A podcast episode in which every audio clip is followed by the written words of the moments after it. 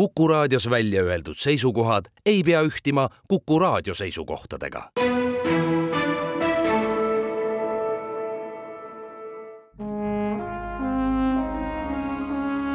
Vanemuise veerand. tere teile, head Kuku raadio kuulajad. täna saates külas Vanemuise ooperi solistid. tere, Pirjo Joonas. tere. tere, Simo Preede. tere hommikust mina olen saatejuht Tiia Rööp. me räägime lavastusest Cyrano de Bergerac, Eino Tambergi ooperist, mille esietendus oli pea aasta tagasi, aprillis. kui see lavastus välja tuli, ooper välja tuli, siis ta sai küllalt palju tähelepanu. kirjutati sellest nii ajakirjas Muusika kui ka teater Muusika kino pööras sellele lavastusele tähelepanu, ka Sirbis oli lugu, samuti Eesti Päevalehes räägiti ka Klassikaraadios ja, ja ka Aktuaalses Kaameras ma nüüd kõiki meediakajastusi üles ei lugenud. mis te arvate, mis võis selle põhjuseks olla, et see ooper nii palju tähelepanu sai? no eks iga uus tükk, mis ju lavale tuleb, saab ikka alguses rohkem tähelepanu. võib-olla ka see, et Vanemuises ei ole kunagi Cyrano de Bergeraci lavastatud, et see oli ikkagi Vanemuisele ainulaadne uus lavastus ja ega seda ju ei olegi mängitud ja on kontsertettekandeid olnud nii-öelda väikeste kärbetega ja, ja, ja Rahvusooperis Estonias on, on teda mängitud läbi erinevate hooaegade niimoodi. see, et see Vanemuisesse jõudis ja et see jõudis meie generatsiooni, ma arvan, et see on ülim nii-öelda võit meile ja noh, tegemist on ikkagi Eesti algupärandiga ka ja see ei ole mitte niisama Eesti algupärand, ma ei taha sellega öelda, et kõik äh, uued ooperid, mis luuakse, oleks kuidagi vähetähtsad, aga see on mingis mõttes, ta on klassika, Eesti klassika. üks ilusamaid äh, Eesti oopereid, väga sellisele huvitavale ja kõnetavale süžeele suur-suur traagiline armastuslugu omade tegijatega, eks ole, Eesti inimesed, Eesti lauljad, Eesti lavastaja, kõik kokku kokku, ta on nagu selline uues kuues ja, ja ma arvan, et Setka Vanemuise turundusosakond tegi head tööd, otsides siis neid reklaamiallikaid. Jah, et ta on eesti keeles ja võib-olla see nimi, Girano de Bergerac, et võib-olla see võõramaine nimi ja on see, mis nagu kuidagi tekitab inimestes siis segadust, et millega tegu on ja kui oleks Ants ja Jüri, saaksid kohe aru, et mille, mis me nüüd siin kuulama hakkame. Äh, aga aga et, et tegelikult on kõige, nagu Pirjo ütles, et kõige kaunima romantilise muusikaga, mida tule ja pane silmad kinni ja lihtsalt kuula mm, see, kuidas need hääled seal, ansamblid, millised kired seal lõõmama pannakse, no see on või siis ära pane silmi kinni, vaata ikka, mis laval toimub ka, see on nagu, ta moodustab sellise terviku, eks ole, et äh, loodetavasti vähemalt, et äh, just see, muidugi on võimalik silmad kinni panna ja ainult muusikat kuulata, et see ongi see muusika selline eriline väärtus, et ta on iseenesest juba selline maagiline. aga siis veel sinna juurde see, see lavapilt ja, ja inimesed, kes seda laval läbi elavad, ma ei saagi öelda, et mängivad või kehastavad, vaid läbi elavad. jah, ma mõtlesin, et äh, kuidas, äh, et mis see on, et mis see Eesti ooper siis on, et, äh, et kui seda viimast kahekümne aasta pilti vaadata, et siis Põrgupõhja uus vanapagan, Kaubamaja, just, et need on kõik sellised viimase kahekümne aasta nüüdisteosed eesti keeles, nad on nii-öelda kaasaegsema natukese helikeelega, et võib-olla on see, et, et inimene ei, ei teagi, mis see Eesti ooper on ja võib-olla me ei teagi, mis ta veel on ja kuhu ta kujuneb, sest need vanad ooperid, mis on olnud, neid täna ei mängita, nüüd on, viimasel ajal tuleb uusi Eesti oopereid, aga Cyrano ei ole see, see on midagi äh, hoopis äh, klassikalisemat, hoopis äh,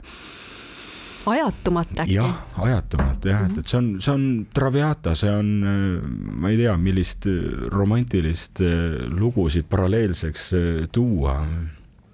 nimetasin ära, et kirjutati arvustusi, aga ma tundsin puudust sellisest ülevaatest, kus oleks kirjutatud mõlemast Cyrano osatäitjast olid lood, kus kas kirjutati Raiko Raalikust või kirjutati Simo Predest, aga sellist arvustajat ei olnud, kes oleks kirjutanud mõlemast Cyrano osatäitjast neid võrrelnud. sina, Pirja, oled olnud laval koos mõlema osatäitjaga. kas sul on võimalik välja tuua mõned jooned, mille poolest Simo Cyrano võib-olla eristub sellest, kuidas Raiko Cyranot kehastab? Neid jooni on palju, ma arvan, selles mõttes, et äh, iga laulja, iga näitleja paneb oma loodavasse rolli midagi enda poolt. iga laulja ongi erinev, iga näitleja ongi erinev. kui draamanäitlejatel või draamatükkides see nii-öelda dublandi võimalus sageli puudub, siis me näemegi seda ühte nii-öelda, nii-öelda õiget või noh, tolles hetkes ja tolles lavastuses õiget äh, varianti või kehastust. ooperis tõesti on sageli võimalik näha mitut erinevat tõlgendust, et kui sama lavastaja juhendab oma tüki osatäitjaid, siis äh, tark on jätta piisavalt vabadust, et äh, mitte suruda sellistesse raamidesse, kus laulja või näitleja ei saa noh, seda killukest ennast, seda isikupära sinna juurde panna, nii et ma arvan, et Raikol ja, ja Simol mõlemal õnnestus see väga hästi ja mul on nendega laval täitsa erinev olla. et, et kuidagi kui ma vaatan Simole silma, Simo Siranoole silma, siis tema pilgus äh, kuidagi kangastub selline mingi eriliselt äh, selline sügav, suur ja romantiline tunne, selline, mida ma näen või kuidagi, mis on tema kogu sellises olemuses ja sellises ähm, kehahoiakus. ja ma ei tea, kas või kulmukarvedes, noh, ühesõnaga seda on nagu näha, mismoodi Simo Cyrano igatseb siis oma Roxaani järele ja ta võib-olla on ka noh, selline vastuoluline mõte, et, et ta võib olla ka natukene sellisem äh, ma ei tea, mulle tundub, et kas nurgelisem või, või mingisugune selline nagu, et kui ma selja pööran, siis ma selja pööran. mitte nii-öelda ainult füüsilises mõttes, vaid ka sellises nagu mingis emotsionaalses mõttes nagu mingid sellised muutused on äh, tajutavamad, järsemad, konkreetsemad. ma, ma tõesti, ma ei räägi mingitest äh, maneeridest, vaid ma räägin sellisest nagu tunnetusest, partneri tunnetusest. Raiko on selline vaikne, mitte vokaalses mõttes, aga vaikne sisemine kohalolu, mingi selline müstiline, piisab sellest, kui ta seisab ja ei tee mitte midagi. ja selles on kõik öeldud.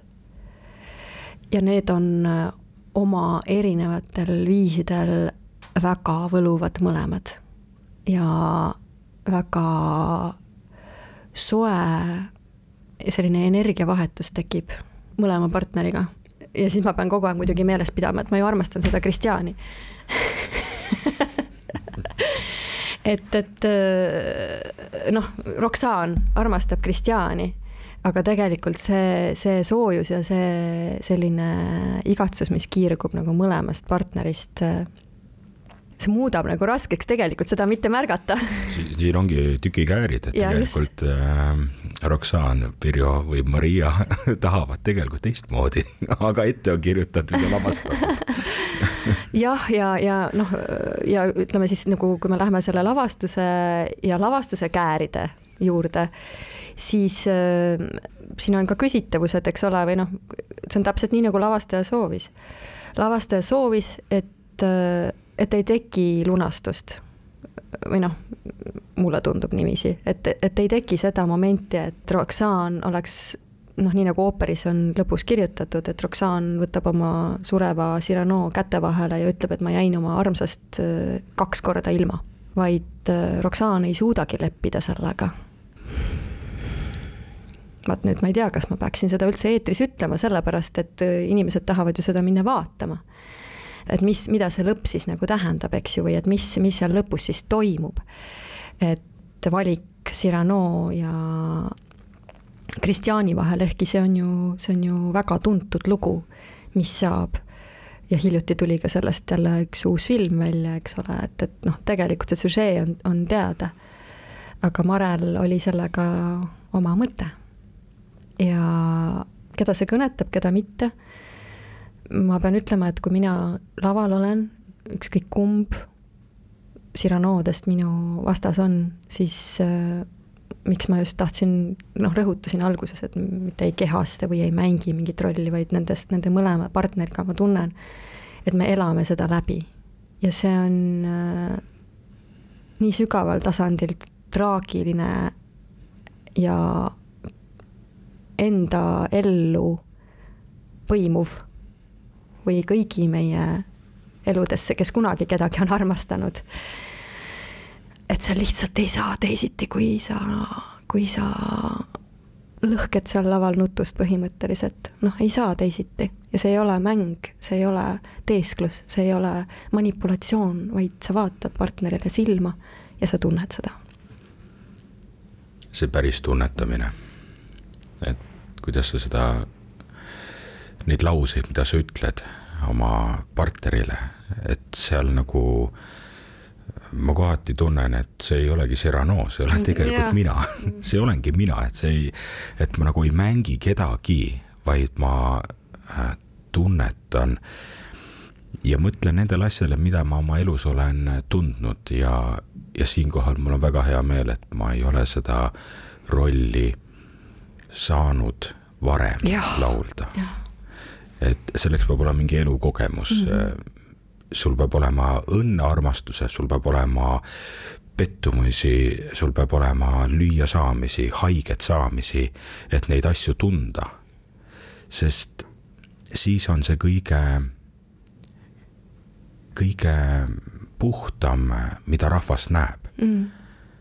see on mingisugune väärtus, mida ei saa õppida. Mm seda sa pead kogema ja kui see õnnestub sinna rolli panna ja sellesse minna, siis siis see töötab ja mulle ja. tundub, et see tagasiside, mis on olnud mm.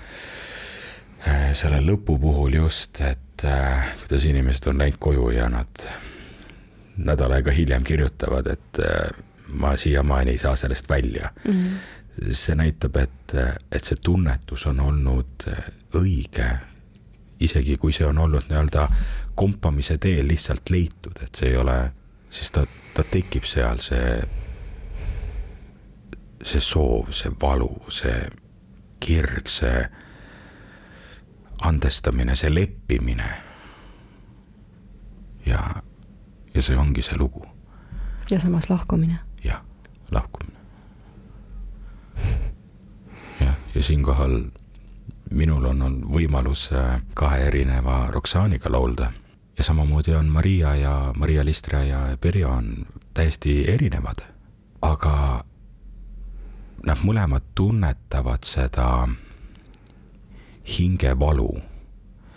ja kui silma vaatad, siis mõlemat pidi partneritel on silmad märjad seal lõpus, sõna otseses mõttes.